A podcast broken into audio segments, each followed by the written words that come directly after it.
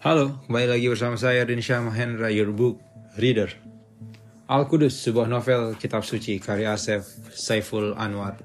Bab 23, Sa'i Putra Filasiah.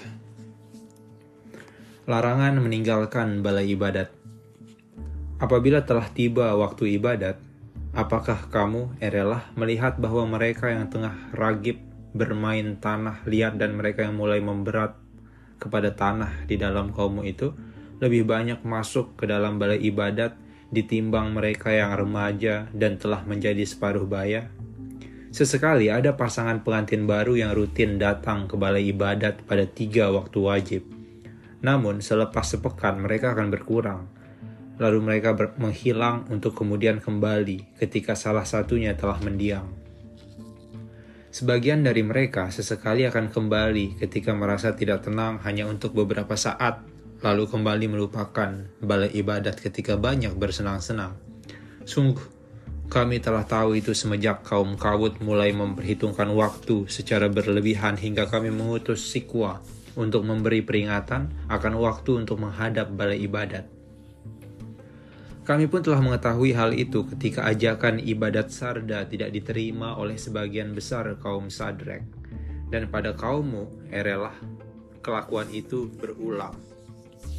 Maka sampaikanlah kepada kaummu, ibadat bukanlah hanya milik anak-anak yang tengah ragib bermain di atas tanah dan orang-orang tua yang telah memberat kepada tanah Tidaklah ibadat diajarkan sewaktu kanak-kanak untuk ditanggalkan pada saat remaja dan separuh baya, lalu kalian akan sesekali mengamalkannya dan akan kembali mengingatnya ketika tubuhmu mulai rentah. Tidak pula ibadat harus diajarkan berdasarkan usia sebab iman dapat masuk pada usia berapapun.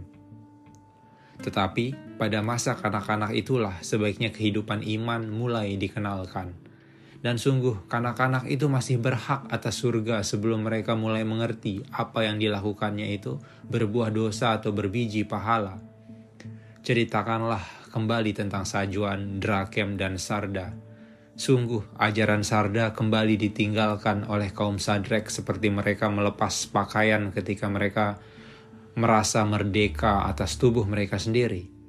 Sajuan hanya dikenal sebagai nama laut dan mereka lupa akan ajaran yang pernah dibawanya dan Drakem hanya dikenal sebagai raja pertama daripada utusan yang kami percayakan untuk mengajarkan kembali kebaikan iman.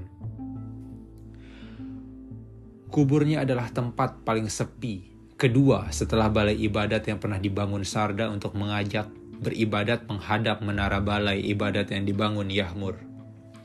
Benih dari mimpi saat itu, kami datangkan berbagai mukjizat melalui Sa'i, yang kelahirannya juga melalui sebuah mukjizat untuk mengembalikan kehidupan iman mereka. Tapi, dengarkanlah kebebalan mereka yang tidak mau mengakui kenabian Syai semenjak lahirnya. Tiada mungkin seorang lahir tanpa bapak yang terang. Sungguh, Sa'i itu anak sajuan terus membantah mereka. Tiada mungkin sajuan yang telah ratusan musim menghilang menghamili filasiah, filasiah yang malang, filasiah yang malang telah kami pertemukan dengan sajuan di alam mimpi. Kami restui keduanya untuk melakukan pemijahan. Filasiah adalah anak labek yang pulang setelah kepergian yang pertama sekaligus terakhir. Ingatlah Labek yang telah menaruh belas kasih pada tikus dan burung sewaktu kecil. Demikianlah anak perempuannya ini mewarisi perasaannya. Dan kisah Sajuan yang diceritakan oleh ayah dan ibunya menambah besar kasih sayangnya pada binatang. Istri Labek bertanya kepada suaminya, Sungguh ayahku yang bapak asuhmu itu pernah berkata kepadaku bahwa kelak anak kita akan menjadi masyur namun sampai sekarang aku belum menyaksikan tanda-tanda kecuali ia amat sayang kepada binatang. Bila engkau percaya akan perkataan Bapak kita, pasti itu akan terjadi. Demikianlah Labek berkata dan melanjutkan. Apakah kau masih ingat kisah hidupku sebelum pulang dan bertemu denganmu? Sungguh, kita hanyalah manusia yang terkadang gegabah memahami tanda, sebab keinginan kita yang menggelapkannya saat melihat tanda itu. Berkata istrinya, Adakah ia akan mendapatkan seorang suami yang agung? sebab belum ada seorang perempuan pun yang mahsyur dalam sejarah kita kecuali Bunda Waha. Semuanya hampir disebut sebagai istrinya atau ibunya. Namun, bagaimana ia akan mendapatkan seorang suami yang agung bila ia hanya keluar sejauh sebelas rumah dari perkauman kita? Berkata ia, Aku tidak tahu bagaimana rencana dan cara kerja Tuhan, kecuali mempercayai Tuhan punya rencana yang baik dan cara kerja yang rapi. Barangkali Filasiah akan menjadi agung bahkan tanpa seorang lelaki atau suami. Maka benarlah apa yang dikatakan olehnya itu. Telah aku kehendaki Filasiah untuk mengandung benih dari sajuan melalui mimpi. Telah aku penuhi doanya yang berulang-ulang untuk bertemu sajuan. Dan pada malam ketika ia bermimpi, segalanya menjadi mungkin ketegaran Filasiah. Inilah mukjizat yang pertama itu, yang melahirkan Sa'i. Sebab sejak malam bermimpi itu, Filasiah mengandung benih dari sajuan.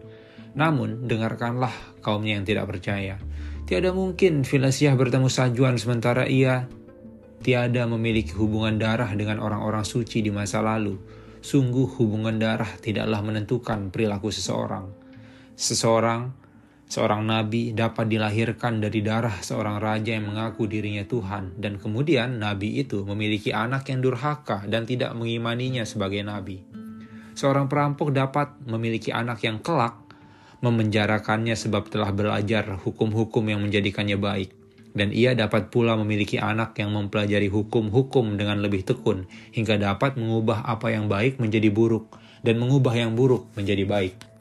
Hingga ia pun membebaskan kakeknya lalu memenjarakan ayahnya yang mengajarkannya ilmu hukum.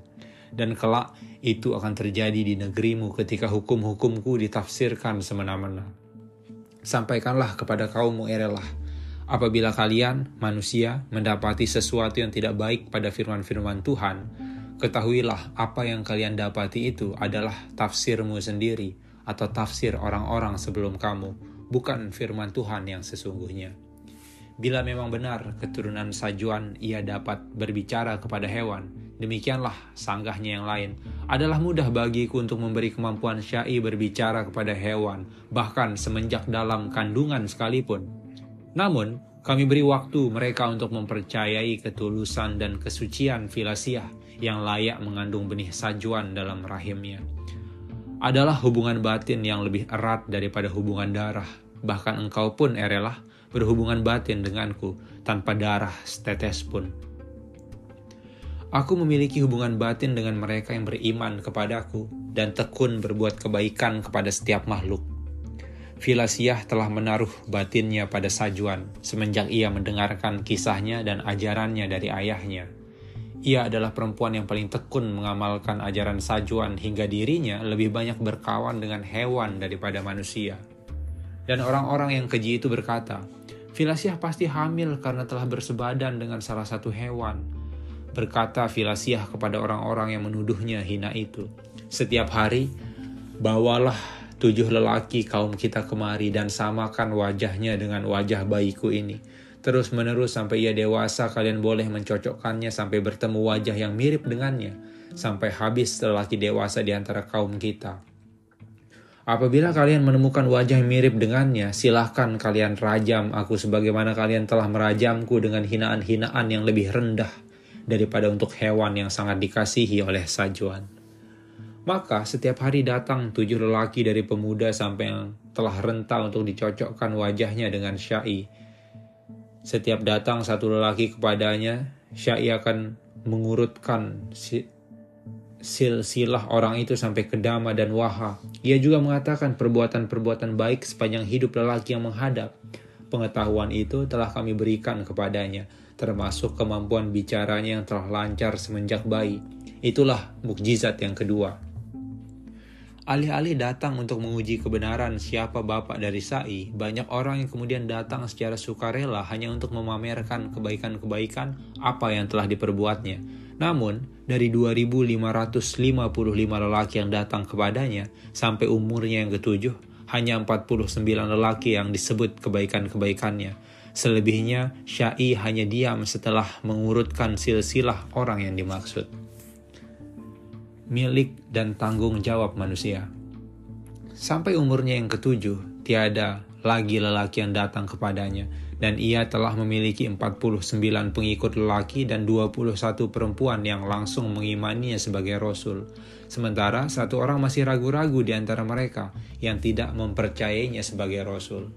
Dialah lelaki tua bernama Napek yang bertanya kepada Syai, Mengapa Tuhan harus disembah bila tak mampu melindungi terompah hambanya yang sedang menyembah di balai ibadat?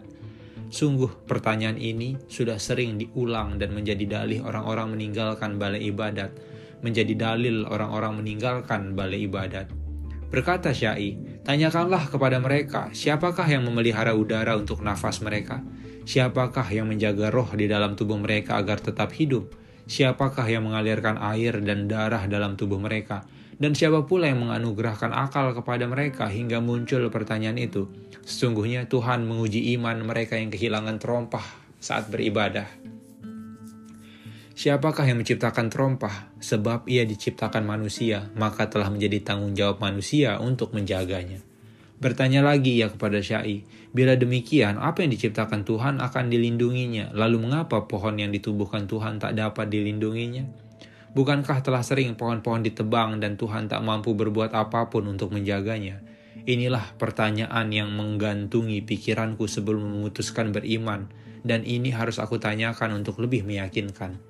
Berkata Syai, Dengan apakah manusia menumbangkan pepohonan? Dengan kapak dan tali. Siapa yang membuat kapak dan siapa yang membuat tali? Keduanya dibuat oleh manusia dan menjadi tanggung jawab manusia untuk menjaga keduanya. Apa yang harus dijaga? Bukanlah sekedar kapak itu dijaga agar tetap tajam dan bukanlah tali itu dijaga agar tetap kuat. Tetapi juga sebagai benda dan makhluk yang ada di sekitarnya wajib dijaga manusia dari kerusakan yang ditimbulkan keduanya. Apakah kalian akan membiarkan kapak itu mematahkan tangan atau kaki saudara kalian? Apakah kalian akan membiarkan tali itu menjerat leher saudara kalian? Sungguh, Sekali-kali itu adalah perbuatan tercela, dan Tuhan telah menggariskan sesuatu yang benar, itu jauh dari yang tercela. Tuhan telah memisahkan yang baik itu dari perbuatan yang tiada bertanggung jawab. Bertanya lagi ya kepada Syai, Aku termasuk orang yang belajar ibadat saat kecil dan meninggalkan kebiasaan itu ketika remaja, sebab aku melihat para ahli ibadat yang tua-tua hidup dalam kemiskinan. Mereka selalu berusaha tersenyum di hadapan anak-anak yang mereka ajarkan ibadat, seperti memperlihatkan bahwa Tuhan memberikan mereka kebahagiaan meskipun hidup dalam kekurangan. Mengapa Tuhan membiarkan mereka miskin dan hidup dalam kekurangan, sementara yang tidak menyembahnya hidup dalam kegelimpangan kekayaan? Apakah di dunia ini orang yang beriman tidak boleh hidup dalam kekayaan dan mereka hanya pantas untuk hidup di dalam surga? Dan aku saksikan pula betapa mereka yang tekun berbuat kebaikan justru hidup dalam kemiskinan sampai mereka dikuburkan. Berkata Syai, Menurutmu apakah yang lebih baik antara kekayaan dan kebahagiaan? Tuhan tidaklah menawarkan kekayaan, melainkan menyediakan jalan menuju kebahagiaan dengan beriman dan berbagi kebaikan. Dan tidaklah Tuhan melarang hambanya yang beriman untuk mencapai kekayaan, sebab dengan kekayaan akan lebih besar kesempatan untuk berbagi kebaikan. Engkau adalah sisa dari golongan yang meragu, yang menyalahkan Tuhan atas segala kesialan mereka, yang awalnya kaya menjadi miskin setelah beriman, lalu meninggalkannya sebab merasa itu lebih baik Pertanyaan tentang mengapa mereka yang beriman dan tekun berbagi kebaikan banyak yang hidup dalam kekurangan itu hendaknya ditanyakan langsung kepada mereka. Apakah mereka malas mencari kekayaan atau telah berusaha mencari kekayaan dan setiap kali mendapatkannya langsung mereka bagikan kepada sesamanya yang lebih membutuhkan sehingga selalu hidup dalam kekurangan? Pertanyaan-pertanyaanmu mengingatkanku pada peristiwa ketika manusia pertama kali diciptakan Sungguh ketika itu malaikat dan iblis diperintahkan Tuhan untuk mengucapkan selamat datang atas kehadiran manusia.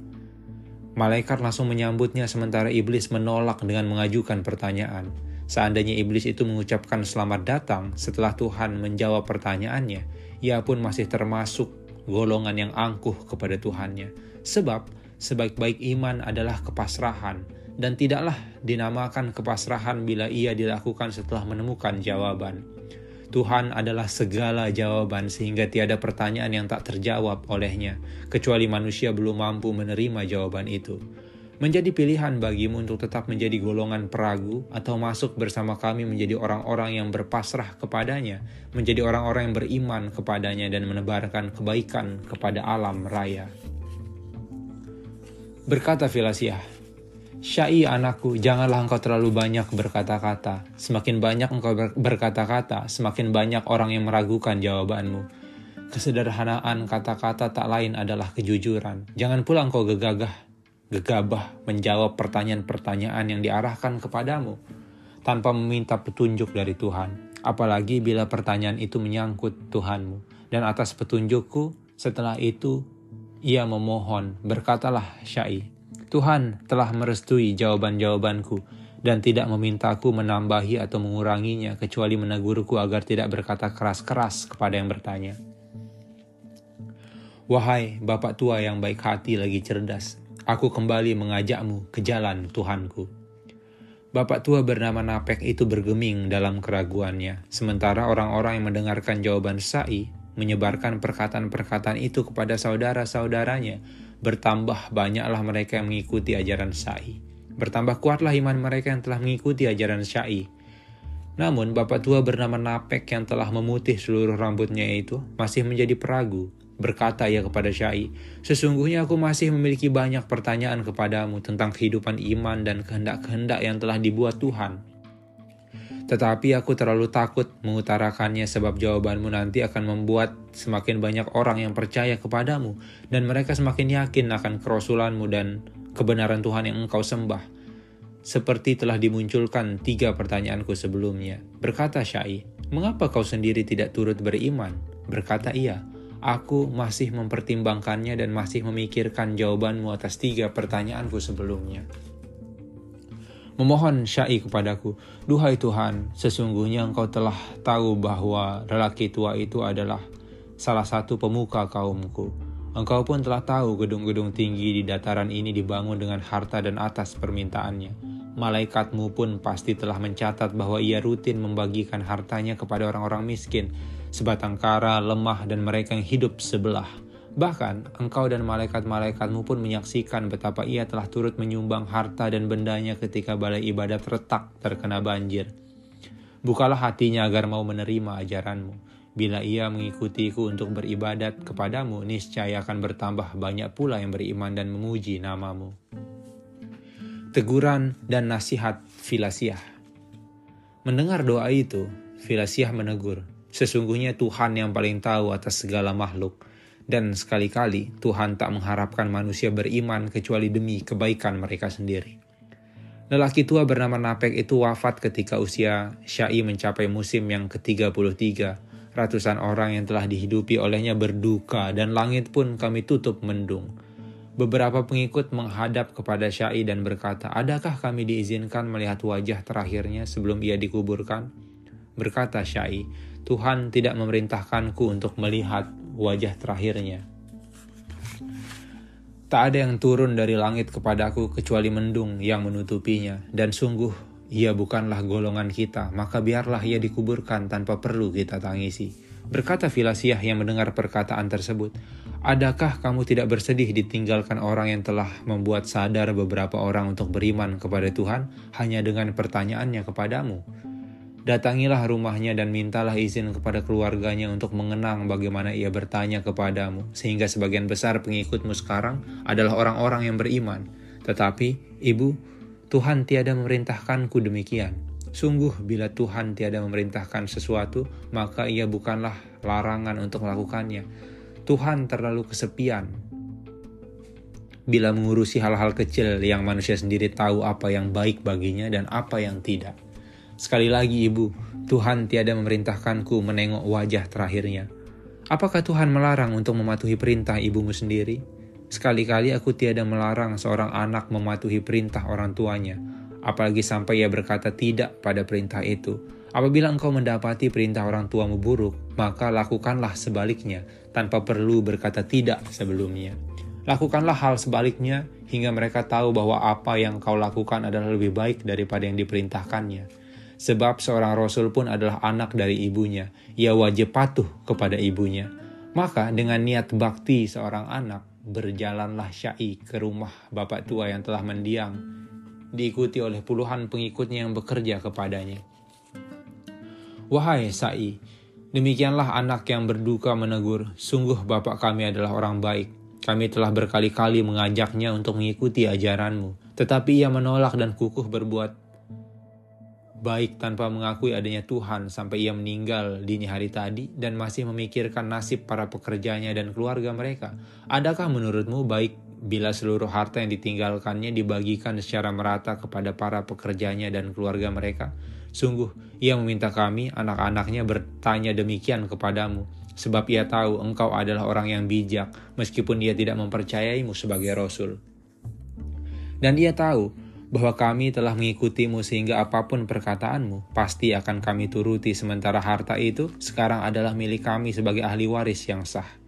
Dan atas petunjuk kami, Sai berkata, sesungguhnya harta orang yang meninggal itu menjadi hak suami atau istrinya, anak-anaknya, dan saudara-saudaranya. Apabila orang yang meninggal itu memiliki suatu hajat, maka ia dapat mengamanatkannya suatu wasiat kepada ahli warisnya wasiat itu harus lebih dulu dipenuhi ahli warisnya sebelum harta warisannya dibagikan. Namun, Tuhan melarang mewasiatkan seluruh harta warisan karena itu adalah tindakan melupakan keluarga yang menjadi ahli waris. Ambillah sepertiga harta warisan itu dan bagi ratalah kepada para pekerja dan keluarga pekerja bapakmu. Sementara selebihnya adalah hak kalian sebagai anak-anaknya. Dan ingatlah, bahwasanya bapakmu mewasiatkan harta itu untuk para pekerja, maka kalian haruslah tetap menjaga dan mengembangkan usaha bapakmu agar para pekerja itu tetap memiliki pekerjaan, agar keluarga mereka tetap memiliki penghidupan. Maka berjanjilah anak-anak bapak tua itu kepada Sa'i akan melaksanakan petunjuknya dan berbahagialah seluruh pekerjanya kecuali satu orang yang terlihat meredupkan matanya. Berkatalah orang itu, Sai yang bijak, sungguh aku sedang memikirkan nasib bapak tua kita itu di alam berikutnya. Ia orang baik, tapi apakah ia akan mendapatkan siksa Tuhan karena tidak beriman? Apakah surga hanya untuk orang-orang beriman dan tidak ada satu ruang kecil pun untuk mereka yang berbuat baik tanpa iman? Tak dapat menjawab saya atas pertanyaan itu kecuali kepalanya yang ia gelengkan. Maka berkatalah Filasiah kepada putranya, Apakah engkau dapat mengetahui kehendak Tuhanmu? Atau engkau, atau engkau telah mendahului kehendaknya? Sesungguhnya surga dan neraka adalah milik Tuhanmu, dan bukanlah engkau yang memutuskan masuk atau tidaknya seseorang ke dalam surga atau neraka, dan Tuhan hanyalah memberikan sedikit gambaran atas keduanya. Telah terang apa yang dikatakan Filasiah kepada putranya, demi busah yang menjaga dua pintu, Sesungguhnya surga dan neraka adalah milikku, dan segala yang masuk ke dalamnya menjadi wewenangku. Tugas manusia hanyalah beriman dan berbuat kebaikan. Selemah-lemah iman adalah berbuat kebaikan demi imbalan surga. Seburuk-buruk kebaikan adalah beriman demi menghindari neraka. Sekian, see you on next episode. Bye.